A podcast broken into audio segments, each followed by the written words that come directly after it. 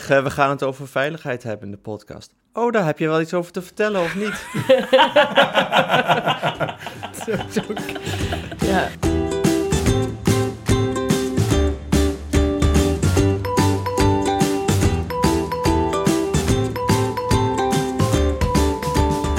Dit is de babywet van Murphy. Als een baby valt, valt hij of zij altijd op iets hards. Al ligt er verder niks op de grond, ze vinden altijd precies die ene scherpe rand van dat ene stuk speelgoed.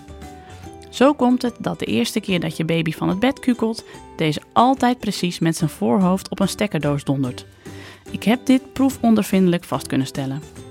En ook dat je je daarna zo schuldig voelt. Zo schuldig voelde je nog nooit.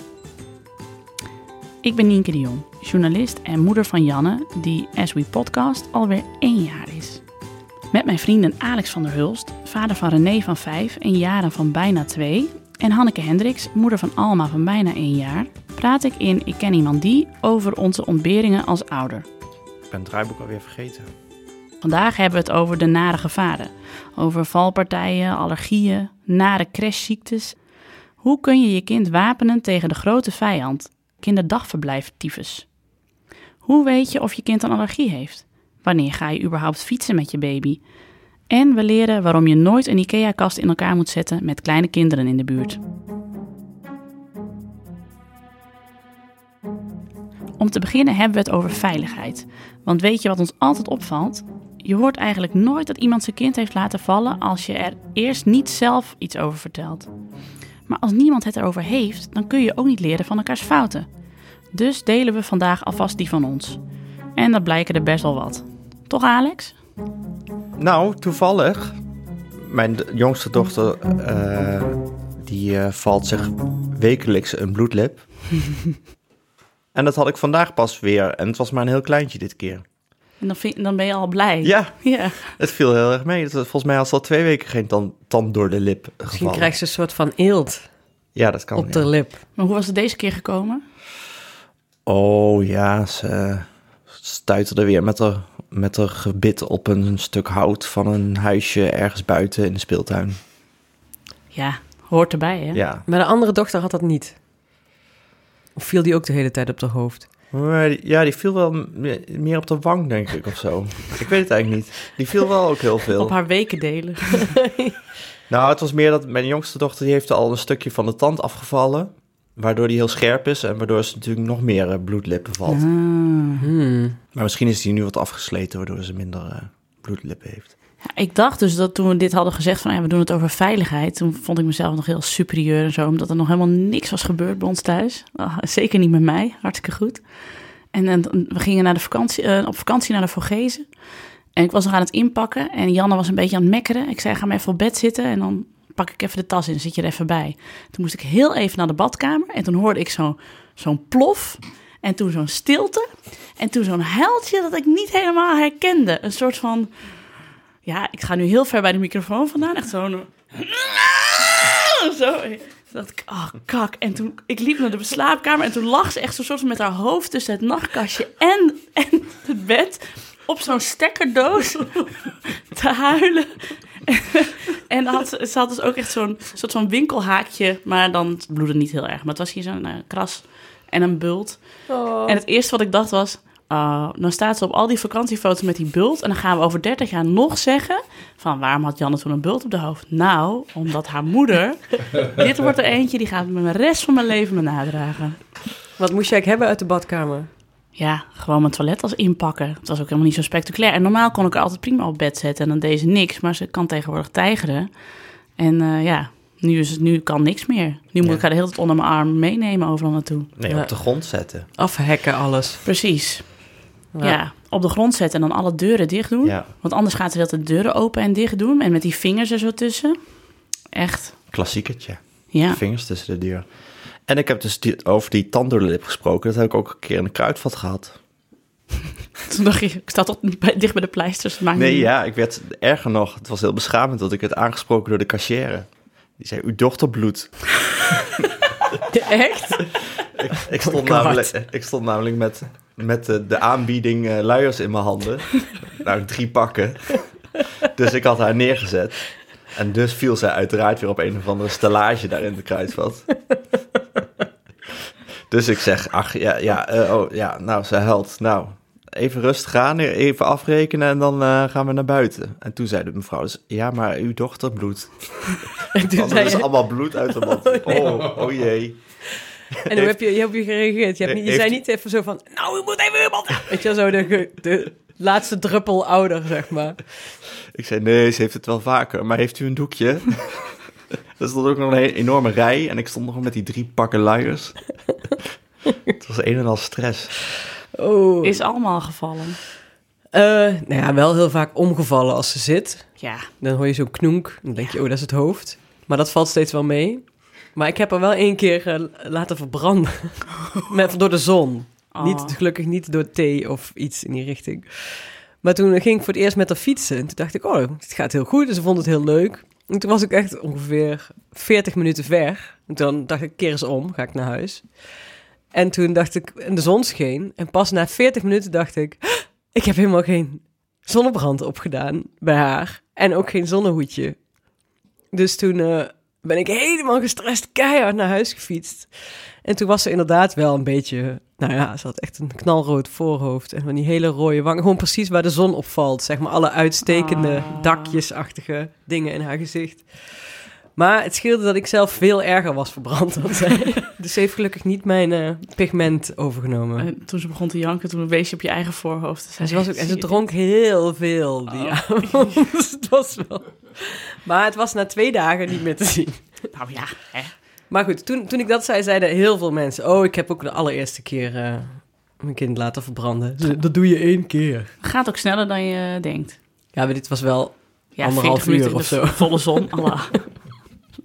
Shit. Wat we nou elke keer proberen is als ze dan valt... Dit is Doris, onze specialist van vandaag. Doris is de man van Hanneke en dus ook de vader van Alma.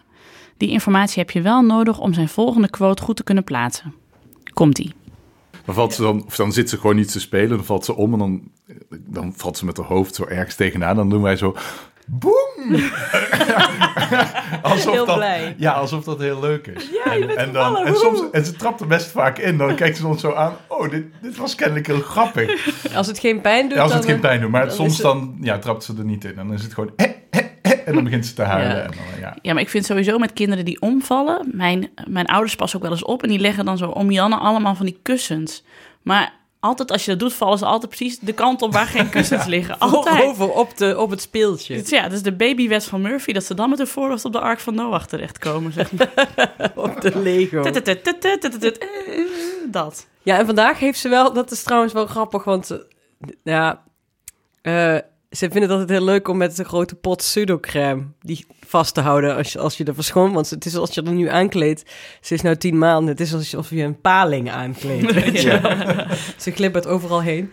Dus dan geef ik haar vaak die pot pseudocrème en die heeft ze vandaag dus op haar eigen hoofd laten vallen. Dan hoorde je ook zo knots. en toen huilen, huilen, huilen, afleiden, afleiden, afleiden. Neerleggen, verschonen, nou ja, paling. Nou ja, dus dan ben je wel even bezig. Ja. Ja. Maar goed. Hey, maar Alex, heb je ons ooit al een keer, zeg maar, toen de, cam toen de camera's niet draaiden, toen de microfoons uitstonden, Off the record. off the record, ons, al, ons al eens een keer een heel mooi verhaal verteld over kinderen en veiligheid. Ja, want jij hebt dan die, die foto's met een, eh, met een pleister. Mhm. Maar ik heb het, het litteken veroorzaakt. Waarvan de dokter zegt, oh, die gaat wel weg. Maar die is nog steeds niet weg na een jaar. Waar zit hij? Op de voorhoofd. Hm? En dat heb jij Dat veroorzaakt. heb ik veroorzaakt. Na, na een paar weken na de geboorte al. Maar niet met een, neem aan, niet met een plank of zo. Nee, nee, nee. Neem ons even terug naar het moment. Nou ja, ik was uiteraard doodop. En ik zat met, met mijn dochter eh, in bed. Die iets moest drinken of moest slapen of ik weet niet wat. En eh, ik had haar vast. En het bed stond nog op klossen. En ehm, ik viel uiteraard in slaap. En ik had haar op de verkeerde arm, dus aan de bed, bedrand. En daar gleed ze zo langzaam uit. Oh nee. En toen viel ze op het eh, nachtkastje waar een eh, stekkerdoos stond. Zet toch die stekkerdoos. Stekkerdoos en nachtkastjes. Met een, dus ook een winkelhaak in haar voorhoofd. En die zie je nog steeds. Je ziet nog wel een, eh, een klein, ja, klein litteken. Ja. En hoe vaak krijg je dat nu te horen nog? Nee, helemaal niet Oké, eigenlijk. nee, dat Nee. valt. Dus, Ja. dus het valt mee. Ja. Maar bij Jan is het niet meer te zien. Nee, je ziet het nu al niet meer. En er zal nog wel eens wat ergens gebeuren, gok ik. Ga ik maar vanuit. Ik was wel blij dat ik het was. Want ik ben... eh, Mijn vriend is heel eh, vergevingsgezind. En die zegt, ach ja, kan gebeuren, er is niks aan de hand. En als hij het was geweest, had ik, had ik hem het veel meer ingewreven. Meer op een grappige manier. Had ik dat gezegd. Ja. Pas, pas maar op. Weet je, de hele tijd, als hij daar dan vast zou hebben, dat ik dan de hele tijd zou beginnen met eh, niet neerzetten. Ik wel zo. Herkenbaar, ja. Ja, al zijn mijn baas van de... Waar ik, ik heb heel lang in een kroeg gewerkt en eh, ik kom daar nog steeds wel af en toe. En eh, mijn baas daar, die heeft ondertussen volwassen kinderen. Maar die zei, wacht maar tot ze pubers zijn. Want dan moet je ze dronken terwijl het vriest gaan zoeken. Dat heeft hij een keer bij zijn zoon gehad. Echt waar? Ze gaan zoeken omdat ze van een fiets zijn gevallen en ergens liggen. En eh, toen heeft hij daadwerkelijk zijn zoon op een gegeven moment helemaal dronken uit een voortuin moeten plukken. Oh, dat lijkt me ook wel heel eh, moeilijk hoor. Bij ons vielen ze altijd in slaap in een greppel als mannen dan gingen pissen en dan tijdens het pissen in slaap vallen en dan zo head first in zo'n greppel. Ja. Dat gebeurde elke dorpsfeest al zes keer, denk ik. Ja, precies. Dus dat is eigenlijk... Nu, nu kun je ze nog... Denk je er aan, weet je, ook veel kraakbeen zit er nog. Ja, het je stuit dan- het wel terug. Stuit het wel terug. Maar dan gaan ze op een gegeven moment drinken. Maar ja, goed. Dat is misschien Ah, ja. weer een andere aflevering waar. Moet ze dat niet zelf oplossen dan? Nou ja, als je je- kind niet thuis komt. Ja, oké. En het vriest. En je weet dat hij na een feest... Ja, ik weet niet. Dan zou ik misschien toch ook even een blokje om gaan fietsen. Ja. Ja, dan deed mijn moeder ook altijd zeg maar, haar trenchcoat over haar pyjama heen. En dan stapte ze in haar Opel Corsa en dan ging ze zoeken hoor. Ook voor de jongens? Of Eh, alleen voor jou? eh, het is bij mij gebeurd. maar dit is voor de uitzending eh, gênante puberervaringen. Eerste, eerste tongmomenten, noem maar iets. Dat is voor als we seizoen eh, 15 hebben. Ja, precies.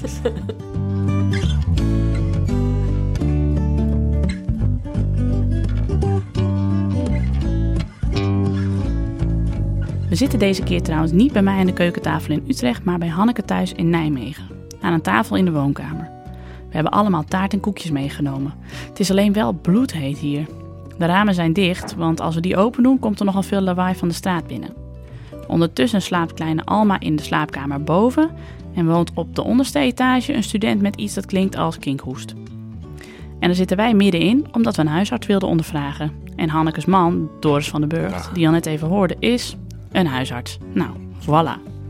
Moeten we eigenlijk misschien even melden dat in dit huis niet alle hoekjes zijn afgeplakt. Nee, En ehm, er ook geen traphekje was. en dat ik denk als je aan die lamp die daar op de grond staat, als je daaraan gaat likken, Ja, of, of die lamp daar op het tafeltje, die al heel gammel ja, staat.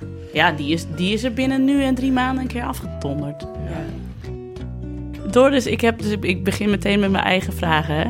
Ik heb heel veel vragen. Oké. Ik hoorde laatst van iemand die zei: als je je kind zeg maar, niet hoger dan een meter laat vallen, dan kan er weinig kapot. Wat vind, wat vind jij daarvan? Ja, dat, dat is mij ook een keer ooit verteld. Toen ik begon met mijn kooschap kindergeneeskunde. En ik dacht, oh mijn god. Nou moet ik ook nog eens van andermans, andermans kinderen eh, iets gaan vinden. En daar verantwoord mee omgaan. En toen zei ook inderdaad een collega, een beetje ja, off the record. Daarom is het zo fijn dat dit allemaal wordt opgenomen. Maar die zei, ach, ongeveer van een meter maakt het niet uit. Maar dat is natuurlijk ja, een beetje een fabeltje. Want als jij, eh, ja, het hangt er natuurlijk heel erg vanaf hoe je kind terechtkomt en waarop. Op welke kant je hem laat vallen? Ja, je kunt, daar, je kunt daar natuurlijk niet op basis van die ene parameters van, van één meter kun je natuurlijk niet zeggen van. eh, dan, dan is het altijd goed met je kind. Mhm. Als, het daar, als het daar maar onder is, dan hè, de, de commodehoogte, dan is het altijd goed. Nee. eh, Zo kun je natuurlijk nooit helemaal redeneren. Jammer. Hangt er maar vanaf hoe je op de stekkerdoos valt. Ja, precies. Precies. Ja, ja. Dat je op de stekkerdoos valt, hoeft niet meteen een probleem te zijn. Maar Wat ik wel altijd vraag als, als mensen dan bellen van, nou ja, eh, onze eh, Leroy is net eh, gevallen of eh, nou ja, dan, dan vragen we altijd, moest hij meteen huilen? En dan is antwoord eigenlijk bijna altijd ja, hij zet hem meteen op een brullen en dan weet je eigenlijk als arts wel heel snel van, oh nou ja, hè, klinkt goed. Als een kind meteen gewoon stevig aan, de, aan het janken gaat, dan weet je wel, oké. Nou ja, je hebt natuurlijk helemaal nog nakijken en alles, eh, alles erop en eraan. Maar als je weet dat het kind meteen begon te huilen, nou ja, dan, dan, dan ga je niet, niet- in ieder geval niet meteen heel hard rennen. nee, want dan kan het dus nog, nog zijn van of het is geschrokken of het heeft gewoon wel een ernstige breuk. Nou ja, ik zou me zorgen gaan maken als je je kind laat vallen en het blijft roerloos liggen zonder te huilen. Dan zou ik, me, dan zou ik meteen 112 bellen en dan zou ik meteen me helemaal uh, uh, kapot schrikken. Ja. Als je kind een, een Annemiek van Vleutentje poelt, zoals we dat in de wielerwereld... Uh, ja, ja, ja, die verschrikkelijke beelden. Ja. ja. ja. Ben je nou als, als vader, zeg maar, ben jij bezorgder omdat je huisarts bent... of ben je relaxter omdat je huisarts bent? Dat, dat hangt van de situatie een beetje af. Ik weet wel bijvoorbeeld, um, laatst had Alma uh, hoge koorts... En uh, uh, ja, ik word dan een ontzettend heen en weer geslingerd tussen allerlei gevoelens. Uh, ratio zegt gewoon, ja, kijk, kind kan gewoon koorts hebben. En zolang het gewoon drinkt, poept, plast, reageert, is er eigenlijk niet zo heel veel aan de hand. Hè, kan een kind best een hele tijd koorts hebben. Maar ja, de vader in je zegt hele andere dingen. En ja, ja en, en onwillekeurig ga je toch hoor je af en toe wel dat stemmetje, oh jee, nou ja, als het morgen nog steeds zo is of als het dan nog erger wordt, dan zou het dan niet. En je weet natuurlijk, natuurlijk ook als arts heel erg wat er fout kan ja. Ja, kijk, wij denken bij, zij denken van, oh ja, koorts, nou als het na drie dagen nog steeds is, dan moet je actie ja, ondernemen. Dat had je dan al op thuisarts.nl gelezen natuurlijk. Dat had gehoord van de kraamverzorgster ja, of ja, zo. Ja, ja, In het basispakket aan uh, adviezen gekregen. Maar jij denkt dan ook van, oh ja, ik ken een verhaal van iemand die ook Ja. drie dagen wachtte en toen bleek het kind hersenvliesontsteking te hebben, Ja. of weet ik het. Ja, ja. Maar jij hebt dan al de eerste dag je stethoscoop uit de tas gehaald, of niet? Ik heb, geloof ik wel, één of twee keer het hartje van Alma beluisterd inderdaad. Op, om te kijken of er gekke ruisjes waren of, eh, of, of dingen. Dat heb, ik wel, dat heb ik wel één of twee keer gedaan. Maar het is niet zo dat ik... De, de, de- ik weet niet of iemand de film Amélie eh, zich kan, eh, levendig kan herinneren. Dan, dan, dan zegt Amélie op een gegeven moment dat haar vader heeft nagekeken en daar... eh, eh, thuis houdt, omdat, ze, omdat die vader dan, hè, die is dan arts, bang is dat ze, dat ze elk moment kan doodvallen. Maar zo ben ik gelukkig niet. Het, eh, Maar je had het wel met, eh, omdat je ook heel lang op de verloskamers hebt gewerkt. ja, eh, had je het wel met, toen ik zwanger was, had je, het, had je wel veel erger last van. Van angst, angsten dat er iets mis zou zijn. Omdat je daar natuurlijk alleen maar de hele heftige pathologie zag. ja, Terwijl als huisarts zie je ook heel vaak dat er niks aan de hand Of tenminste, dan komen ook mensen die hebben, ja, dan is het niet ernstig. Eh, ja, maar, dat- ja, maar dat ging veel meer over, over verloskundige pathologie. En niet zozeer over, over, over dingen bij kinderen. Ja, ik maakte me natuurlijk ook... Ik voelde me ook heel erg verantwoordelijk voor jou, ja. En Ja. voor, voor jouw eh, eh, gezondheid. En aan de buitenkant probeerde ik zoveel mogelijk rust en... eh, ja, stabiliteit uit te stralen. Maar soms, eh, innerlijk had ik wel eens af en toe een, een dialoog dat ik dacht van, oh jee, eh, het zou toch niet stiekem dit of dat. En ik vond het elke keer als we bij de verloskundige vandaan kwamen en jouw bloeddruk was lekker laag en, die, die, en, en ze keken allemaal heel tevreden over hoe het ging, dan, wist, dan, dan was dat voor mij toch altijd weer een bevestiging wat ik dan zogenaamd al wel wist, maar toch ergens, nou ja, dus het is, er gebeuren hele rare dingen met je. Ja, dat arts. snap ik ook. Maar het is ook wel, want ik vind het soms ook wel fijn. Want vooral toen in het begin, als Alma dan wel eens huilde en ze had dan net bijvoorbeeld iets anders gegeten dan normaal, dan kon ik nog wel eens roepen: misschien kan ze niet tegen gluten, of misschien kan ze niet tegen zuivel. En dan zei je altijd: nee, die kan gewoon tegen gluten. Ja. En dan dacht ik: oh, oké. Nou als jij het zegt, dan als zal jij het zegt, dan zal het wel. Ja, wat, wat dat voor- was altijd wel fijn. mensen hebben gewoon heel erg de neiging om bij elk, al het, al, elk, detail wat je kind laat zien, meteen daar een, een soort kausaal verband aan te verbinden. Eh, een kind verandert gewoon elke dag, heeft elke dag laat het weer iets anders zien. En eh, eh, tenminste, dat merk ik nu heel erg. En eh, eh, je hebt dan heel erg de neiging om dat allemaal te gaan, eh, ja, te gaan verklaren. Oh, dat zal wat te maken hebben met, de- met de gluten. Of het zal wat te maken hebben met de dit of de dat. Het is een sprongetje. Ja, een sprongetje, dat is ook zo'n heel mooi model. Eh, of, of krampjes, hè? Dat, dat zijn allemaal van die eh, modellen waar, ja, eh, die heel erg ja, plausibel klinken, maar waarvan eigenlijk nog nooit iemand zeker heeft kunnen zeggen van ja, dat is echt zo of dat, zo werkt dat. Maar het, het is wel, het is wel eh, eh, we horen allemaal op de achtergrond. Hoesten. Ja. Ja, ik hoor het ook dwars doorheen. Maar, wat, maar mijn, mijn, mijn be- belangrijkste, wat ik gewoon heel erg heb, is gewoon, ja, je moet soms ook heel, gewoon je schouders ophalen en accepteren dat je gewoon niet weet wat er met je kind precies aan de hand is. En gewoon eigenlijk ook focussen op wat er allemaal goed gaat op dat moment. En eh, ja, Maar dat is natuurlijk eigenlijk steeds lastiger voor jonge ouders ja. sinds de, het internet. Ik denk dat onze ouders veel eh, relaxter daarin waren. Omdat je gewoon, ja, je had A al tijdens de zwangerschap geen echo's om te checken. Of bijna geen echo's om te checken wat erin zat. En dan kwam het eruit en dan was het ook een beetje God zegende de greep. Ja, En, eh, maar in feite is dat nog steeds zo. ja, alleen je kunt alles checken en je kunt alles googlen. Even hè, mensen, hoe onze ouders ons een leven hebben weten te houden zonder Google. Hoe, hoe dan?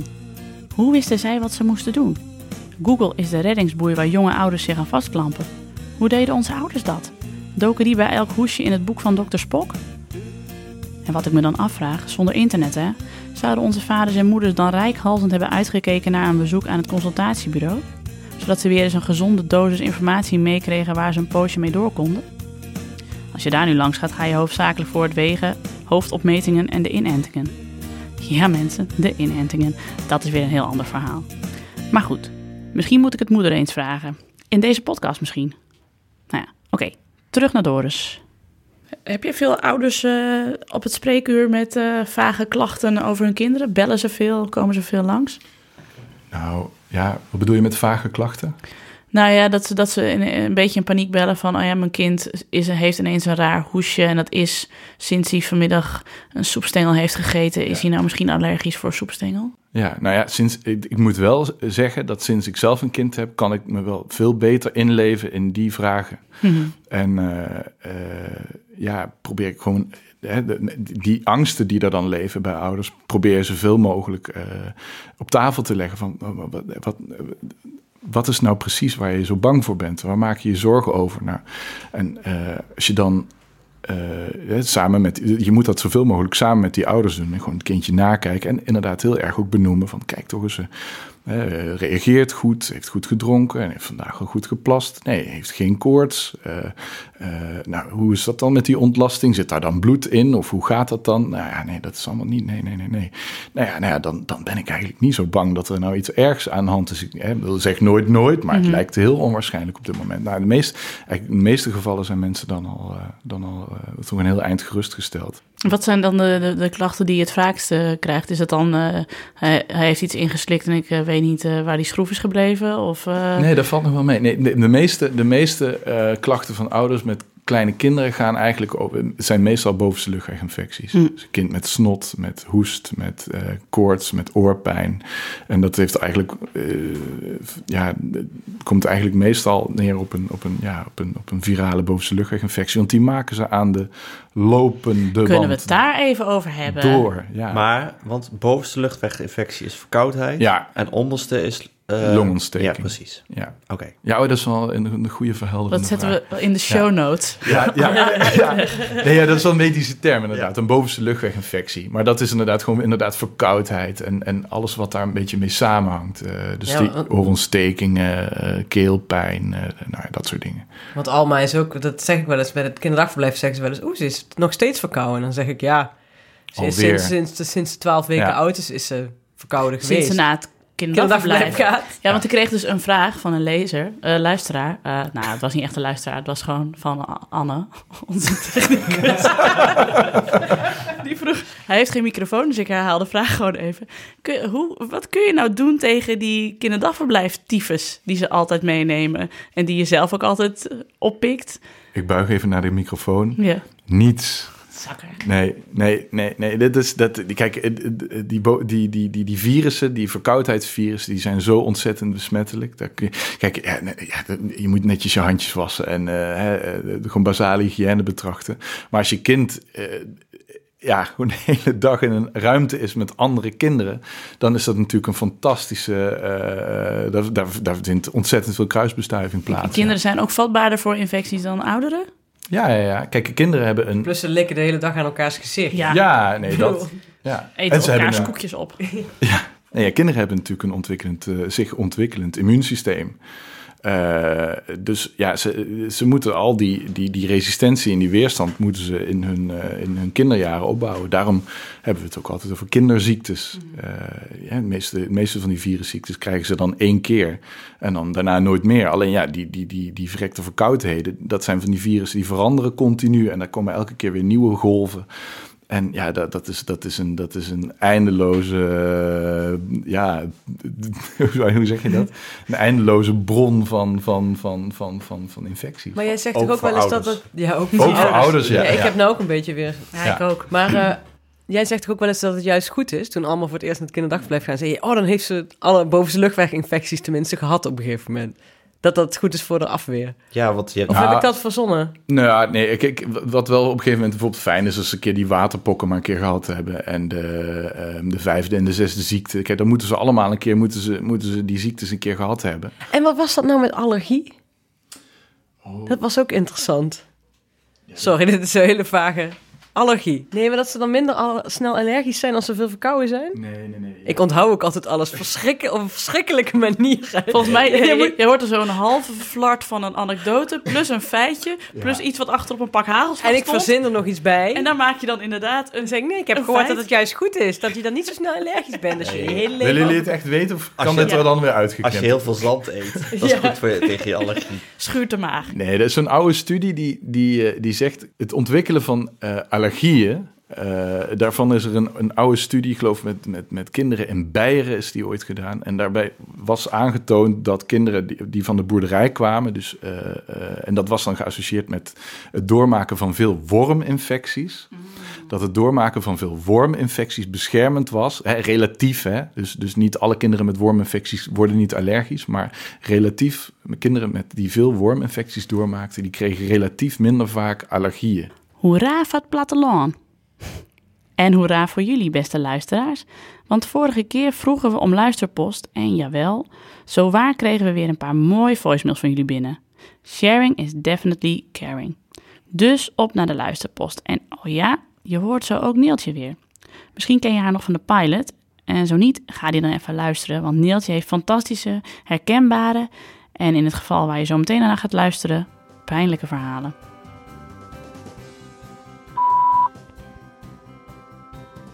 Eh, toen mijn dochter één of anderhalf jaar oud was eh, en ik haar ging verschonen, vond het altijd leuk als ik haar daarna na het verschonen eh, oppakte van de, van de commode en haar in de lucht ging gooien.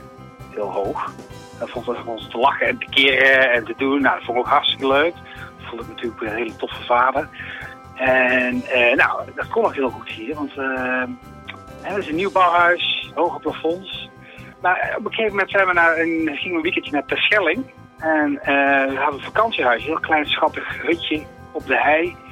En daar ging ik dat ook doen. En eh ging ik Mickey omhoog gooien. En de eerste keer dat ik omhoog gooide, stootte ze keihard haar hoofd eh, tegen het plafond. Dan heeft ze drie uur lopen huilen. En hebben we haar s'nachts om het uur wakker moeten maken, omdat we bang waren dat ze misschien hersenschudding had of zo. Wilde pas na drie, vier dagen was hij pas een beetje weg. Wij hebben toen onze zoon anderhalf was echt de klassieker, alle klassiekers meegemaakt. Waar het consultatiebureau van waarschuwt, waar overvolletjes in je kraampakket zitten, waar hele websites over worden volgeschreven, waar je volgens mij door je ouders, je moeder, de dokter, iedereen voor gewaarschuwd wordt. Het is ons. Onze zoon kreeg een kop hete, sterker nog, net van de kook af zijnde thee over zich heen, waar we allemaal bij zaten. Eh, de thee stond zelfs eh, midden op de salontafel, zodat we hij kan daar niet bij. En toch lukte het hem om, nou ja, we zaten erbij, we keken ernaar, flat. Thee over zich heen. En eh, ja, en dan? Dan sta je. We hadden allebei geen EHBO-diploma, geen idee wat we moesten doen. Maar blijkbaar handel je dan toch heel intuïtief en hebben hem onder de koude douche gezet. Onder de lauwe douche, moet ik zelf zeggen. Want koud is niet goed. Wat eh, achteraf eh, de gouden greep bleek te zijn. Totdat ik Ehm, omdat ik toch graag wilde zien wat hij nou precies had, eh, eh, de fout beging door hem uit te kleden. En met de romper ook ongeveer zijn halve buikvel meenam. Eh, want dat was daar natuurlijk helemaal aangekleed. Ze had echt een grote tweede graad brandwond. Dus wij zaten met een natte baby, met natte doeken op zijn buik, in een dekentje gewikkeld. Hij echt gillen, gillen, gillen, jongens. Dat ging echt om merg en been. In de auto naar het ziekenhuis. Daar moest hij eh, op de eerste hulp in het wasbakje onder de kraan nog heel lang zitten, want ze vonden dat wij niet lang genoeg hadden gekoeld. Nou, dat was een heel ondiep wasbak is. Hij moest zich echt met zijn anderhalfjarige lijf, moesten hem onder dat kraantje zwemmen. En met beekjes water eroverheen. Het was echt zo'n drama. En hij maar huilen, huilen, huilen, huilen. En ehm, eh, nou ja, uiteindelijk ehm, hebben ze hem verbonden. Kreeg hij er heel veel zinkchloride zelf geloof ik op. En eh, watten en daaroverheen verband. En dat moesten we twee keer per dag moesten we dat verschonen. En eh, dat was echt. Ik denk dat ik niet heel veel ergere dingen bij mijn kind heb hoeven doen dan het verband verschonen. Maar, en dat is dan wel weer een, een mooi eh, eh, onderdeel van dit verhaal. De babyhuid herstelt echt absurd goed. Na een week was de hele bron dicht. Je zag er eigenlijk bijna niks meer van. Hij heeft geen litteken. Hij heeft nog net zo'n mooi zacht roze borstje en buikje als die, als die had toen hij geboren werd. Ehm, dus uiteindelijk was het eind goed, al goed. Maar jongens, jongens, jongens. We hebben het dus gewoon meegemaakt. En of wij nu voorzichtiger zijn geworden met onze andere kinderen, I don't think so. Maar met hete thee pas ik altijd echt supergoed op nu. Nu nog met de koffie. Och, arme Neeltje, wat een verhaal. We hebben nog een luisterpost voor je van een moeder die creatief met wieg werd en dat niet had moeten doen. Maar die horen jullie helemaal aan het einde van de show. Blijven luisteren dus. Heb je zelf een leuk ken iemand die verhaal over vakantieperikelen met je kind? Laat het ons dan weten door een voicemail in te spreken op 06 8180 4297. Het nummer zetten we ook in de show notes. Goed, door met het gesprek. Terug naar de Nijmeegse keukentafel waar Alex over, staat te ehm, trappelen om zijn punt te maken. Want dat las ik dan weer. Dat die, eh, die ouders die zich zorgen maken en eh, eh, vooral over bultjes natuurlijk. Kinderen hebben ook altijd bultjes. Dat die, eh, het probleem ligt in het leggen van patronen. Wat schijnt heel menselijk te zijn, evolutionair al. Ja. Dat je dan de steppen opging en eh, elke keer bij die ene boom een tijger tegenkwam. Dat dat wel handig was als je dan wist van daar moet ik niet heen, want er zit een patroon in. En dat schijnen mensen dus nu nog steeds te doen. Van hé, hey, hij eet een appel en hij krijgt bultjes. Nou, dan zal hij wel allergisch voor appel zijn. Ja. En dat ook zo het hele fabeltje in de wereld is gekomen van mazelen en eh, autisme, ma- de BMR-injectie en autisme, omdat het op hetzelfde moment dat er autisme werd vastgesteld, ook de BMR-vaccinatie eh, zat. En dat daardoor die hele patroonzoekers eh, daar een patroon in hadden gevonden. Wat is uw vraag, eh Alex? Ja, Wou je gewoon even dat je gelijk hebt. dat je even ja zegt dan nu. nee, ja, god. Maar prak- praktisch gezien en heel makkelijk. Ja. Als ouders denken, mijn kind heeft een appel gegeten en bultjes. Dan moet je hem eigenlijk nog een keer een appel geven. In plaats van tegen het kinderdagverblijf zeggen, hij is allergisch voor appels. ja, dat is, eh, dat is, eh, dat, eh, dat, ja, dat ik- denk ik altijd. Dat zou kunnen, ja. Nee, weet je wat het ook is? Kijk, heel veel mensen denken, denken heel snel dat iets een allergie is. Ja. Hè? Dan, dan, dan, allergie, dan, dan heb je of hele zware diarree of echt, nou ja, een, een, een heftige allergische reactie. Kijk, en als je een beetje, ja, Buikpijn hebt. buikpijn hebt of, of hoofdpijn kreeg ergens van, dan is dat niet een echte allergische reactie. Maar dat, heel vaak hoor ik mensen zeggen van nee, nee, ik mag dat echt niet hebben, want daar ben ik echt allergisch voor. En dan, en dan vraag je gewoon dus even door en dan zeg je van wat, wat, wat, wat, wat had u dan voor klachten? Dat, nadat u, ja, toen kreeg ik pijn aan mijn voet. Oké, ja, nou ja, goed, dan vind ik dat, ja, dan denk ik bij mezelf, of dat, de vraag is of je dat dan moet uitspreken op dat moment, maar dat, ik denk dan bij mezelf, oké, prima, eh, de, de, die allergie die kunnen we wel wegstrepen uit het dossier. Ja. Ik weet niet of, hoe het bij jullie zit, maar bij het kinderdagverblijf waar mijn dochter zit, daar zie ik altijd hele lijsten hangen wat die kinderen niet mogen. Ja. Ja, dat volgens mij, of- bij ons valt het nog wel mee. Dat is vooral dat kindertractaties, dat je die niet meteen mag geven, omdat ouders zelf mogen bepalen of hun kind dit en dit mag hebben. Maar iedereen neemt toch gezonde dingen mee, dus volgens mij wordt dat gewoon wel opgegeten. Maar met snoep en zo, maar niet met allergieën. Maar misschien zijn ze daar nog net iets te jong voor. Het is zo'n groep van 0 tot 2. Ja. Ik weet niet. Oh ja, ik zie op die bakjes dan weer allemaal eh, instructies hangen. Mag dit niet, mag dat niet. Ik hoorde, zag het laatst ook weer op, op Twitter dat iemand zei van ja, in de klas van mijn zoontje mag iemand geen pinda's, dus nu mag niemand meer pinda's meenemen. En dat vond zij, ze rolde een beetje met haar ogen, maar dan op Twitter, dus het was een soort van oh, oh, weer een regel. Ja. Zeiden andere mensen ook ja, is toch een kleine moeite en ja, en als je echt pindaallergie Ja. hebt, dan, Ja. mag, dan mag niet eens bestek elkaar Ah, aanraken. ja, en die kinderen, dat ligt elkaar inderdaad ook weer af te aan likken en te tongen en weet ik het allemaal. of, oh ja, ik wil jouw koekje hier. En daar kun je als, als, als juf natuurlijk ook niet de hele tijd op letten. Dus ik snap dat echt heus wel. Ja, precies. En is, maar het was natuurlijk niet zo van... eh, eh, ik denk dat mijn kind glutenintolerantie heeft... en dus mag de hele groep geen brood meer. Nee. Nee. Terwijl die dan wel iets kroketten eten of zo. Ja, het probleem natuurlijk met kinderen is ook, als ze nog zo klein zijn, dat je bent een soort plaatsvervangend hypochonder geworden, omdat je kind niet goed kan aangeven waar het last van heeft, wat het is. Ja, het huilt. En dan is het maar gewoon afstrepen wat het dan niet kan zijn. En dan hou je de oorzaak min of meer over. Maar zeker weet je dat natuurlijk nooit. Ja, en als je dan dus net iets hebt veranderd, ik denk dan altijd meteen het ligt daar aan. Ja. Want Alma heeft nou ook luieruitslag en we hebben een ander soort luiers met een ander soort laagje erop. En ik denk dan meteen, Ja, daar gaan we. Oh, ik heb nog, Daar een, gaan we. eh, ik, Ja. ik, ik heb nog een oud verhaal over, daarover dat afstrepen. Ik ken iemand die. Ja, op zich niet, want het is een heel oud verhaal, maar ik heb het la- wel laatst gehoord. Eh, vroeger had je andere luiers, hè, gewoon katoenen met Mhm. een eh, veiligheidsspeld. En eh, ik hoorde dus een verhaal van een moeder die dus ook een huilend kind had. En die ging ook eens kijken, ja, is het nou buikpijn? Heeft ze nou honger? Is er nou, wat is er nou aan de hand? Dus op een gegeven moment ging ze eens kijken. En toen bleek ze dus die veiligheidsspeld door de huid heen te hebben geprikt. Dat gebeurde toen nog gewoon. Ja, Volgens mij, ik denk dat dat best vaak gebeurde dat eigenlijk. weet ik wel zeker. ja, en plus dan dat zeggen mijn ouders dan ook altijd, weet je wel, van...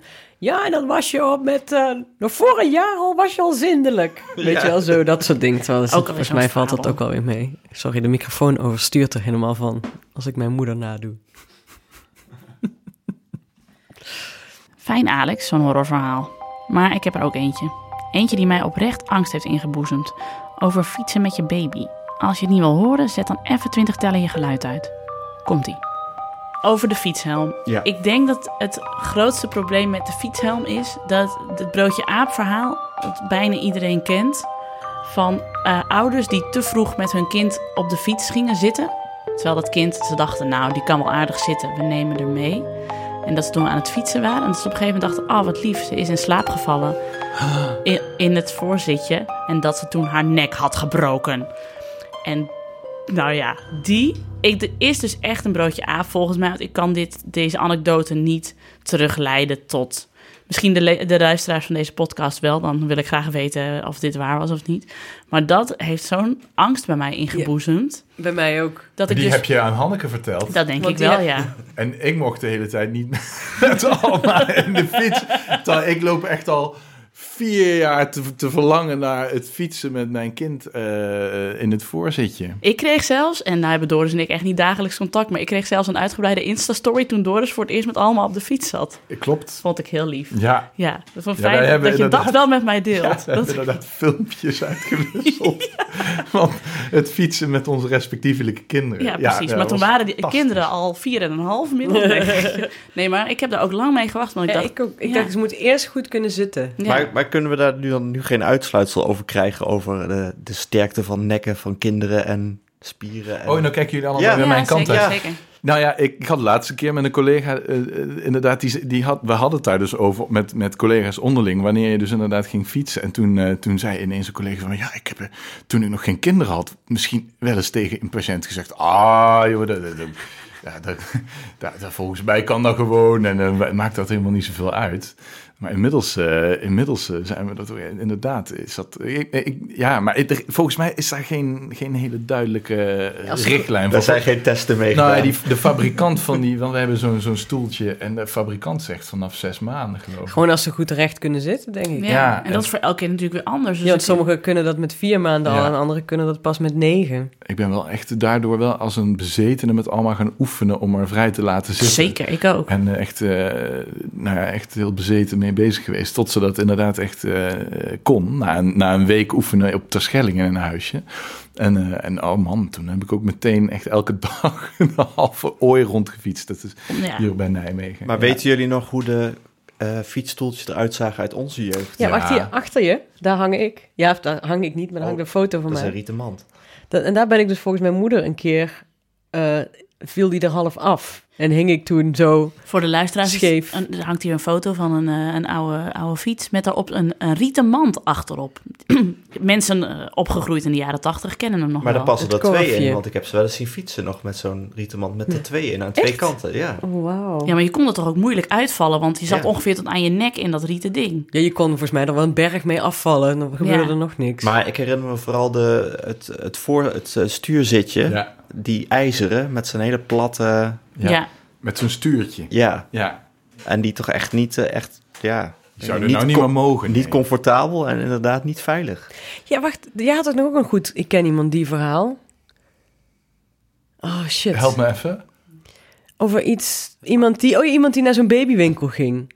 Oh ja, ja, ja. Nee, ja, dat, dat, dat die verkopers heel duidelijk anticiperen ook op dat gevoel van veiligheid. Mhm. En, en eh daar zijn dan gradaties in, geloof ik, Europese sterretjes of zo. En dat is dan- Mhm. net als bij auto's.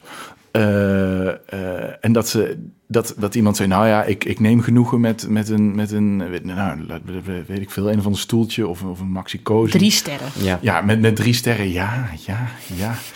Ja, ja voor, voor slechts 150 euro heeft u er een met vier sterren. Dat is wel het veiligste voor uw kind. En dat, ja, dat En mensen dan... 150 euro. Hoeveel van- is uw Ja. veiligheid van uw kind u Ja, waard? precies. Hoeveel, hoeveel kinderen heeft u? Kunt u er eentje missen? Zou ik maar drie sterren doen? Ja. Zijn ze u allemaal even lief? Dan graag vijf sterren. Nou ja, Hanneke en ik hebben allemaal eh, dingen die al in de praktijk beproefd zijn. Eh, ergo allemaal tweedehands spullen. Ja. Eh, en en daar, daar, daar gaat het eigenlijk allemaal helemaal prima mee. Ik bedoel, eh, er zal vast al wel weer iets nog veiligers zijn. Maar Misschien waren die, die stoeltjes daarom vroeger zo onveilig, omdat die mensen toch acht kinderen hadden. Ja, precies. Ja, dat Kon makkelijk. Nou, daarom, dit is even een klein zijweggetje. eh, dat wij gingen vroeger altijd met de scho- schoolbus naar school. En eh, aan het einde van de schoolbus, die is een jaar geleden opgegeven, want er waren te weinig kinderen inmiddels, was, zat elk kind keurig ingesnoerd in, de, in het schoolbusje. Helemaal eh, riemen, alles. Toen ik in 1989 voor het eerst naar school ging, zaten er nog houten banken in die bus, zonder eh, gordels of wat dan ook. En ben ik dus ook door de bus geflikkerd op mijn eerste schooldag. Huilen, huilen. Dat kon toen nog gewoon. Was gewoon goed vasthouden. Ja. Eh, ja, komt wel goed. Dat is in 20 jaar ook totaal Ja, veranderd. want toen ik 30 jaar geleden in de, zwem, in de zwembus zat, weet ik nog dat, ik, dat je dan, als ik dan de asbak, er zaten asbakken gewoon in die voorstoelen. Als je die opentrok, dan zaten daar gewoon vaak peuken in. Ja, dat komt toen ook. Dus Ja, dat, dat komt toen ook. En nog. hoe moet je je onder de banken verstoppen als je vastzit in een riem? Precies. En dat hoorde er toch ook een beetje bij. Alsof dat niet slecht is voor je rug, als je dan helemaal naar beneden moet. Maar, maar terug, van, terug van de auto, even terug naar de fiets. De En- fietshelm. Ja, de helm, ja. Ja. Het eeuwige dilemma van de fietshelm. Eh, ik had laatst verjaardag van een vriendin en eh, iedereen nam zijn kinderen mee. En toen kwam één vriendin binnen met, eh, met haar zoon op de arm en die had dus een helm op. En het, het- ja, het is heel veilig, maar het was ook een beetje Annie de Roy. Mhm. En het is stom, want ik dacht dus, ik, ik maakte dus haha Annie de Roy, zei ik. Maar tegelijkertijd voelde ik me schuldig dat ik met mijn blootshoofd kind aan was komen Ja, fietsen. Maf, hè? Stom, hè? Ja. Ik werd er ook laatst op aangesproken. Waarom doe je het kind geen helm op? Ja, ik doe zelf ook geen helm op. Ja, ik had het daar dus met mijn vriend over. Dat ik dus zei, maar Alex zei... Ja, nee, ik doe zelf ook geen helm op. En dat vond hij een drogreden. En toen gingen wij uitzoeken waarom Janne dan geen helm op heeft. Maar we kwamen er ook niet goed uit. Nee. Want ja. je kunt niet zeggen van, ik vind het esthetisch heel... Ik wil geen Annie de Roy voor op mijn fiets. Want als het veiliger is, dan doe je dat. En dan is esthetiek, smestistiek. Maar Ja, omdat je bang bent dat je een bepaalde... Tenminste, dat zou ik hebben. Of dat heb ik. Want ik bedoel, we doen allemaal ook geen helm op voor op de fiets. Omdat je dan toch denkt... Hoe ver- dan kun je, je moet eigenlijk dan steeds een stap nemen. Ja. ja, En misschien is het dan denk je, ik wil die stap eigenlijk niet maken. Ik heb zelf ook geen helm op gehad. Maar ja, het is natuurlijk in het dorp waar ik ben opgegroeid. Daar reed een kar en een paard en een trekker en dat was het. Nee, maar dat, ja, maar toch ja, denk want waar je... ligt de grens? Dan had ik dus mijn dochter in de kruidvat ook beter een helm op kunnen zetten. Ja, jouw dochters wel, ja, Alex. Nou ja, dan op een gegeven moment kom je er dus, ben je zo ver dat je je kind gewoon alleen maar ingewikkeld in bubbeltjes plastic Ja. mee naar buiten kunt nemen. Dat is het misschien inderdaad. Dus dat je denkt van, ja, waar leg ik dan de grens? Neem Ja. ik het dan sowieso niet mee op de fiets? Want het is sowieso gevaarlijk op de fiets. Maar leven is aan zich nogal gevaarlijk. Ja. Maar in Duitsland en Amerika vinden ze dit eh, belachelijk, wat we nu zeggen. Ja, maar dan vinden Ja. ze bakfietsen ook Ja, belachelijk. dat klopt. Daar vinden ze ons sowieso belachelijk. Maar soms zie ik ook wel eens, dat vind ik dan heel... Ik vind het dan ook leuk. Het is toch raar dat ik dat leuk vind. Maar dan zie je een moeder fietsen met echt zo'n hele kinderschaar op fietsjes... hier door het hele drukke verkeer. En dat... Ik weet niet. Het heeft ook een bepaalde vrijheid of zo. Mhm. Dat klinkt zo raar, maar... Ja, want dat filmpje ging toen wel viral, echt de hele wereld over van een Amsterdamse moeder met drie kinderen op een fiets. En dat had iemand, een of andere toerist, toen gefilmd. Van kijk, zo doen ze dat in Nederland. Ja, dat is ook een soort van cool. Zelfs koningin Maxima zei dat, dat toen ze net in Nederland was... dat ze dan zo'n Hollandse vrouw met twee boodschappentassen... en twee kinderen zo in Mhm. door de regen zag fietsen. Dat ze toen dacht, ah, Zo gaat dat hier. Oh, Dit is een hele slechte Maxima ik vond het een verrassend goede Maxima eigenlijk. Ik denk Voor dat er Limburger. Ja. één iemand aan tafel een betere Maxima in huis heeft. Dus eh, wat dat betreft. Excuses. Maar misschien is het gewoon dat zodra het verplicht gesteld wordt, dat we dan allemaal morren toegeven en denken: oké, nou ja. Ja. Totdat je iemand kent die, Die- die, die, een kind Ja. heeft dat, Ja. dat daadwerkelijk iets heeft, eraan over heeft gehouden. Dan ga je meteen... Ik zat bijvoorbeeld ook nooit... Ik had nooit een arbeidsongeschiktheidsverzekering... totdat ik ineens iemand kende die daardoor in de shit kwam. En Ja. dan ga je ineens dat doen. Ja. Ja. Zo naïef ben je dan eigenlijk. Nou, Zo'n volgzame sukkel zijn we allemaal. Maar ja, heb je wel eens een kind een helm op proberen te zetten? Dat kreng valt er de hele tijd af. Ja. En en ze willen nooit iets op haar hoofd. Ook dat. Gaan ze altijd huilen. Nee, dat het zonnehoedje van allemaal moet je echt Ja. helemaal in de vlees vastsnoeren, weet je. Ze met Oh, af. die lekkere rollade streamen zo. Ja, dan blijft het in ieder geval zitten.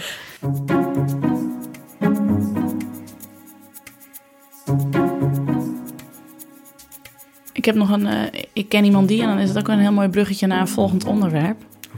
Eh, ik ken iemand die... Het is namelijk de eh, verloofde van een vriendin van mij. Ze hebben een dochtertje, die is nu twee... Maar die was toen eh, nou, een maand of negen oud. En hij was een IKEA-kastje in elkaar aan het zetten. En op een gegeven moment, hij keek even twee seconden niet om. En toen lagen er in plaats van vier schroeven nog maar drie schroeven op de bank. En hij helemaal in paniek. En vinger in de mond, kon niks meer voelen. Belde met de huisarts. Die zei, ja, eh, laat me ontbijtkoek eten. Dan eh, poept het vanzelf weer uit. En hij, hij dacht toch, nee, nee, nee. Dit, ik, ik vertrouw het niet. En het was best wel een grote schroef. En eh, volgens mij was het... Ik, ik zie jou nou bedenkelijk kijken door. Volgens mij zoiets, zei de huisarts zoiets. Of de buurvrouw zei... Sorry, het was de buurvrouw. Die zei, ontbijtkoek laten eten is goed. Hij toch maar naar de huisartsenpost. En dan zei zo, ja, ja nou, als ze echt iets heeft ingeslikt, dan moet even een, een, een foto maken, inderdaad. Nou, ki- kind, kind in- onder de scanner, zeg maar. En eh, niks te zien. Hij zo, ja, maar, maar eh, kan er ook nog iets voor zitten of zo? Of, eh, nee, nee, er is echt helemaal niks te zien. Hij komt weer thuis na een hele middag met haar heen en weer gesleept te hebben. Hij kijkt onder de bank. Ah, daar was de schroef. Ja, maar dat is toch ook echt... een- Ik ken, ik ken namelijk drie verschillende gezinnen, zeg maar. Of, weet je wel, de huishoudens die dus met een, met een eerste kind krijsend... Dat, dat, hun eerste kind zo hard aan het huilen was en huilen bleef... dat ze naar de huisartspost gingen. En bij alle drie hield het kind op zodra ze daar de drempel over gingen. Hmm. Bij de ene ging, ging het kind lachen... bij de andere twee viel, viel diegene in slaap... op het moment dat ze bij het ziekenhuis binnenliepen. Dat is toch grappig? Ja. Of tenminste grappig, ik vind dat zo bijzonder. Omdat ik dat niet één keer heb gehoord, maar drie keer. Is dat dan de stress van de ouders die het allemaal nog erger maken bij, die, bij het kind? En zodra je dan bij het ziekenhuis bent, dat je denkt...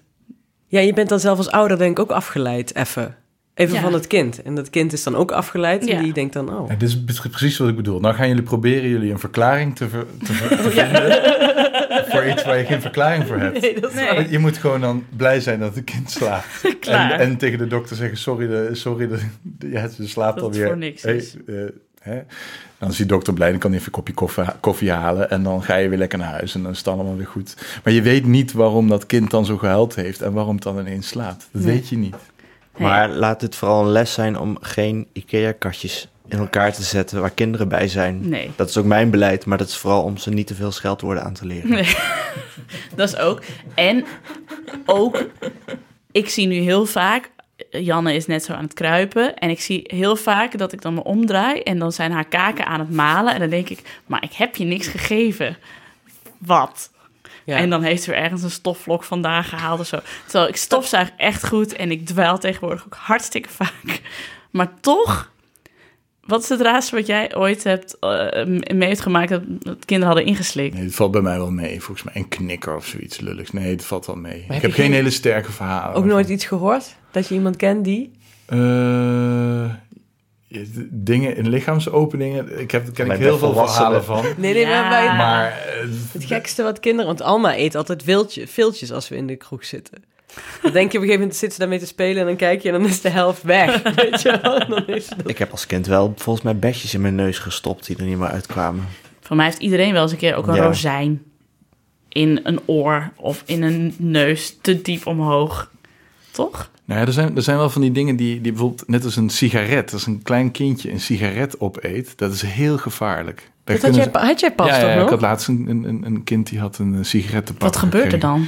Ja, daar, zit, er, er zitten stoffen in, met name die volgens mij, maar dat weet ik, nou, maar dan snijd ik mezelf in de vingers. Maar ik geloof dat de nicotine-dosering eh, zodanig is dat een kind daar echt een, eh, eh, van onwel kan worden en echt buiten bewustzijn kan raken. Die kan echt vergiftigd raken, kan een intoxicatie krijgen van die nicotine. Dus als, als je een klein kind een, eh, een sigaret ziet eh, opeten, dan, eh, dan moet je dan, ja, dat, je denkt, ach ja, maar dat is Van een echt- sigaret is nog nooit iemand doodgegaan. Van één sigaret. Nee, maar dat is, dat is echt heel, heel gevaarlijk. Dan moet je echt meteen...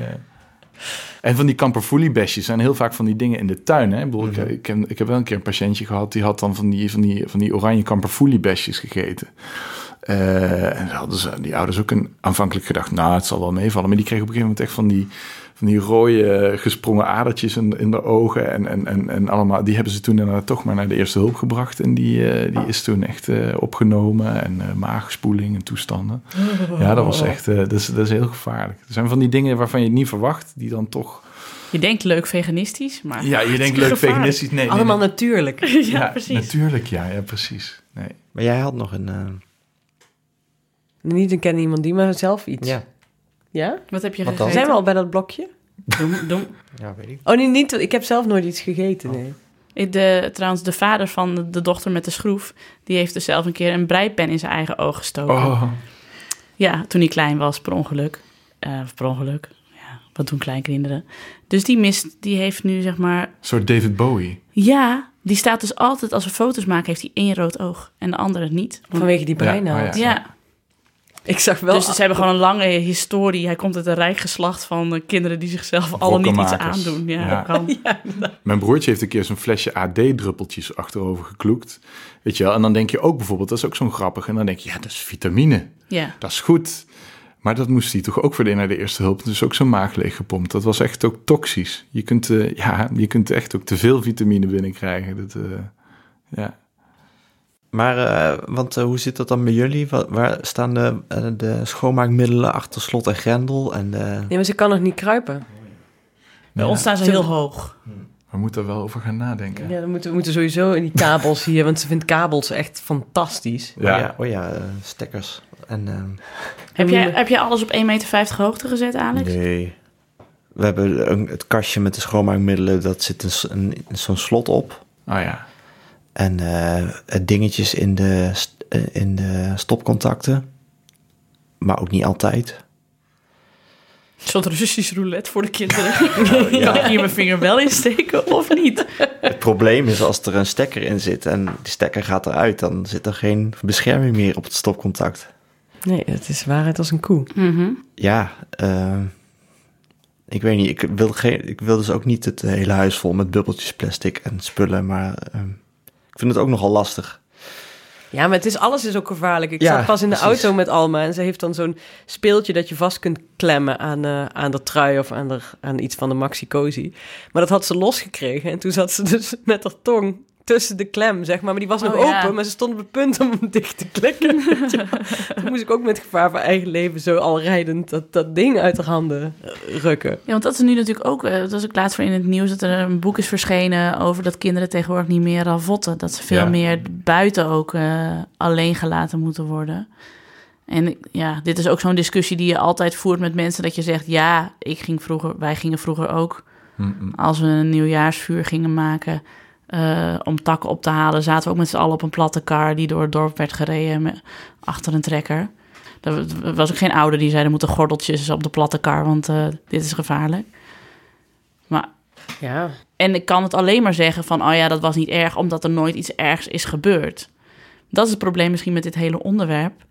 Dat alles, jouw hele referentiekader is opgebouwd uit andermans ervaringen. En zodra, zolang daar geen slechte bij zit, denk je het kan wel, kan wel of zo. Of je moet niet te betuttelend zijn of zo. ja, ik denk dat dat wel zo werkt. En eigen ervaringen dus. Dus van die Ja. helm is van, ik ben wel gevallen vroeger, maar ook op mijn hoofd, maar nooit dat het heel ernstig was. Nee. Nee, ik ben ook echt vaak van de fiets gekletterd. als Ja, ik ook. Nou, kijk, wij zijn er ook allemaal prima van afgekomen. Nou, ik ben ja. soms even vijf seconden weg. Die kort. Maar dat is alleen als ik broccoli heb gegeten. Ik wil geen causale verband leggen. Nee, maar... Nee, ik ben vroeger overal van afgetiefd Ja. en tegen aangekletterd. En dat is ook een beetje kind-eigen. Maar ja, het is wel wonderlijk, ja. Maar ik, maar ik denk wel eens, het is ook vaak een wonder dat ik niet ben overleden, nee. Ja. Want we hadden een hele grote kersentuin in de... eh, een kersenboom in de tuin. En daar klommen wij dus allemaal in. Maar ik was dus de jongste. Dus ik wilde dan ook klimmen. Maar ik kon het dan niet zo goed. Dus we hebben, ik heb heel vaak gehad, dat weet ik nog, dat ik echt een soort... Jezus, iemand jongen. belt. Ja, daar kan ik het zo even over hebben, waarom die belde. Oh, oké, Oh. dat is goed. Dan begin de anekdote nog even opnieuw. Vanwege de jeugdzorg aantekening. aantekening. eens. Oh, Oh, oh jee. Maar we hadden dus een hele grote kersenboom in de tuin. En mijn broers klommen er altijd in, maar die zijn veel ouder, dus die konden dat veel beter. Maar ik wilde dat dan ook, dus ik probeerde dat als klein meisje dan. Maar dan had ik heel vaak dat ik dan bijvoorbeeld niet meer eruit durfde... of dat ik echt ook viel, dat ik, dat ik hing, weet ik nog Mhm. een keer. En een tak ergens, en dat ik echt mijn broer moest roepen van... Aad, Aad, kom hier, pak een ladder. En dan moest mijn broer... En dat duurde dan heel lang. En ik weet niet dat, het dan, dat, je dan echt jezelf, dat ik mezelf vast moest houden om niet op die boom te flikkeren. En dan kwam mijn broer op een gegeven moment aan met de ladder. En dan kon ik uit. Maar ik ben er nooit echt uitgevallen. Maar Ja, dat had natuurlijk best... Het was echt hoog wel. Het is een Dus hele grote als- boom. Als Alma over een jaar of vijf in een boom klim- klimt, dan denk jij, ja, er is mij ook nog nooit iets overkomen. Ze moet ook zelf een beetje leren wat kan en wat niet kan. Ja, maar zij is de eerste en ik was de jongste. Hè? Dat scheelt denk ik ook. Mijn Maar- ouders hadden het allemaal wel al gezien. Was Ja. die boom echt hoog? Of Huishoog. Oké. Zo, Nee, ja. niet dat het in je hoofd heel hoog, hoog was en je eigenlijk op één meter van de grond hing. Nee, nee, dan hebben we het toch over een meter of vier. Oké. Nee, dan is het een legitieme Ja. anekdote. ja. Hij is even gefactcheckt door het NRC. Ja, nee. Ik merk dat ik ook een, het idee heb dat ik vroeger in enorm hoge bomen zat. En dan zie ik die boom nu en denk, oh, nou, ja zo hoog was die niet. Weurt. Ja, Waar ik wel altijd bang voor ben, is kleine plasjes water en baby's. Want dat, lijkt, dat vindt een kind dat verdrinkt, dat Oh. lijkt me het ergste wat er is. ik dacht even aan een, eh, een, een- echt een regenplas. Nee, nou ja, daar kan natuurlijk ook. Kind kan ze natuurlijk niet opdrukken, hè? Maar Oh, dat ja. lijkt me dan nog eh, best wel sterk. Maar ik ben dus wel echt zo'n best wel panisch dat ik als, als Jan in bad zit, dan ga ik nog niet eens weg op een, om een, doek, een handdoek te halen. Nee, nee, nee, dat zou ik ook niet Dan zit ik doen. er altijd naast. Ik inmiddels al wel een beetje. Maar die van jou zijn ook wat groter. Ja, die kan ik dan horen. En als het stil is, moet ik gaan kijken. Ja. Hmm. Maar volgens mij is dat ook wel, eh, als je naar de statistieken kijkt, een eh, legitieme angst. Ja. We kijken nu allemaal Ja. naar door. Nee, ik zat, ik zat, ik, ja, ik, ik reageerde heel laat, want ik zat in mijn hoofd met die scène in, in Trainspotting. Ik heb laatst, voor- ja, dat is helemaal af. Ik heb laatst voor het eerst Trainspotting gekeken. Ja, ik loop soms met je achter. en daar zit zo'n scène, die, die, die ouders die zitten dan zwaar aan de, aan de heroïne en zo. En dan, en dan op een gegeven moment is er zo'n scène en is die baby dood. Die was volgens mij ook in, gewoon in zijn bedje of in zijn kot gestikt of zo. Iets heel, heel, heel zieligs. Oh man. Dat gaat dan, dat heeft echt nog, nog nou, nou ik het weer zeg, dan, dan weet ik zeker dat het weer drie weken resoneert in mijn hoofd. Maar dat is echt, eh, oh, Daarom hebben wij die film gekeken toen we geen kinderen hadden. ja, ja, jullie zijn wel uh, verstandig. 1996. Die moet je alleen nog de Sound of Music kijken en, Ja. dan, en dan hem uitzetten voordat eh, dat ze achter die graven zitten op dat kerkhof. Ik kan sowieso heel slecht tegen enge films, maar dat is een eh, zijspoor Dat is misschien. het voor onze aflevering. eh. Ja, ik heb wel eens op de lagere school bij mijn white trash vriendinnetje op haar verjaardagsfeestje hebben we Hellraiser gekeken. Toen heb ik drie maanden niet geslapen. Ik heb dezelfde anekdote, maar dan met It. En ik heb maandenlang niet alleen Gedoucht. naar de wc Ik ook douchen gaan. met de stop erin heb ik na Ja. it heel The lang. Predator. Nou, Nou, dit is, Jij bent sindsdien niet meer in de jungle geweest. maar dit is voor onze extra lange uitzending kindertrauma's. Dit is Ja. voor onze jubileumuitzending. Jubileum.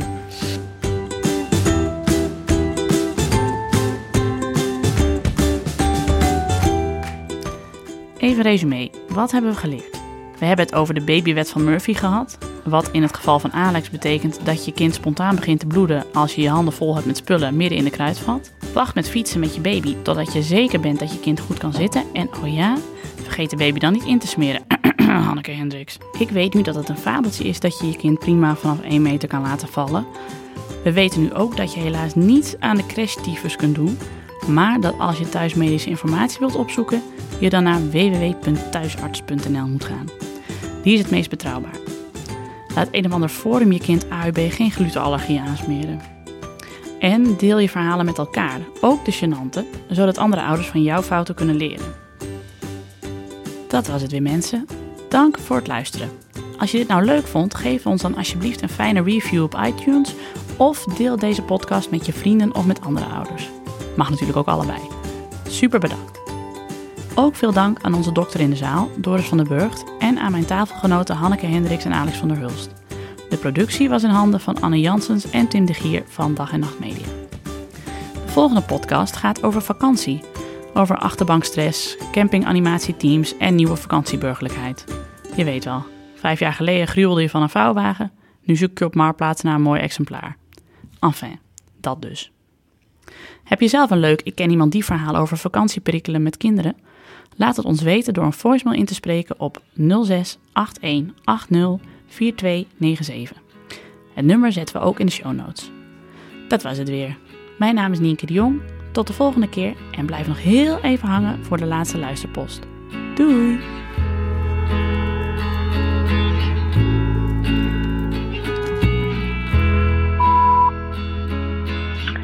Ja, ik ken dus iemand die, of beter gezegd, ik ben dus iemand die inderdaad zo'n grote blunder heeft gemaakt met zijn baby. Ze was nog maar zes weekjes oud en ze lag in de wieg. Maar ja, die kleine frummel die had helaas wat last van refluxklachten. Dus elke keer na de melk kwam er weer wat omhoog. En toen hadden mensen ons die gouden tip gegeven van joh, weet je wat je moet doen? Moet je even een boekje onder het hoofd schuiven van de wieg. Dan gaat die wieg een klein beetje schuin omhoog. Is wat lekkerder voor dat maagje. Heeft ze ook iets minder last van de klachten. Dus ik dat doe natuurlijk. Maar ja, ik hoorde nog steeds allerlei gekregen uit de komen. En ik denk, dit is volgens mij nog niet voldoende. Dus ik pakte een extra boekje en ik schoof die ook nog eens onder het hoofdeinde van de wieg. En na een paar dagen dacht ik van nou, ik merk dat die klachten nog steeds niet over zijn. Misschien moet ik er nog eens even een goede pil onder leggen. Dus ik op zoek in de boekenkast. En ik vind daar zo'n enorm dikke pil van Toon met al zijn verhalen gepils. En ik denk, dit is het, die moet er ook bij. Dus ik schuif die onder het hoofdeinde van de wieg. En jawel hoor, de wieg stond in een mooie hoek, lekker schuin. Ik denk, dit is wat we nodig hebben. Vervolgens ga ik heerlijk op de bank zitten, met uitzicht op de slaapkamer waar de wieg stond. En terwijl ik eindelijk even de lust had gevonden om een tv-programmaatje te kijken, hoor ik me daar in één keer een knal. Bam! En ik voelde meteen wat er aan de hand was. Ik ren naar de slaapkamer en wat is er aan de hand? Jawel, de wieg is keihard voorover gekanteld met baby en al. En de baby ligt natuurlijk voorover met een snoetje op de vloer, enorm te krijgen. Het enige is dat ik wel een hele nacht wakker heb gelegen met één oog om te kijken of ze het nog deed. Te bang dat er een of andere interne bloeding in dat hoofdje zou zijn ontstaan of iets. En oh, wat heb ik me schuldig en ontaard gevoeld. Maar ja, zoals jullie al zeiden, als je het dan helemaal een beetje rond durft te vertellen aan een dierbare vrienden en familie. Ze hebben het allemaal een keer meegemaakt.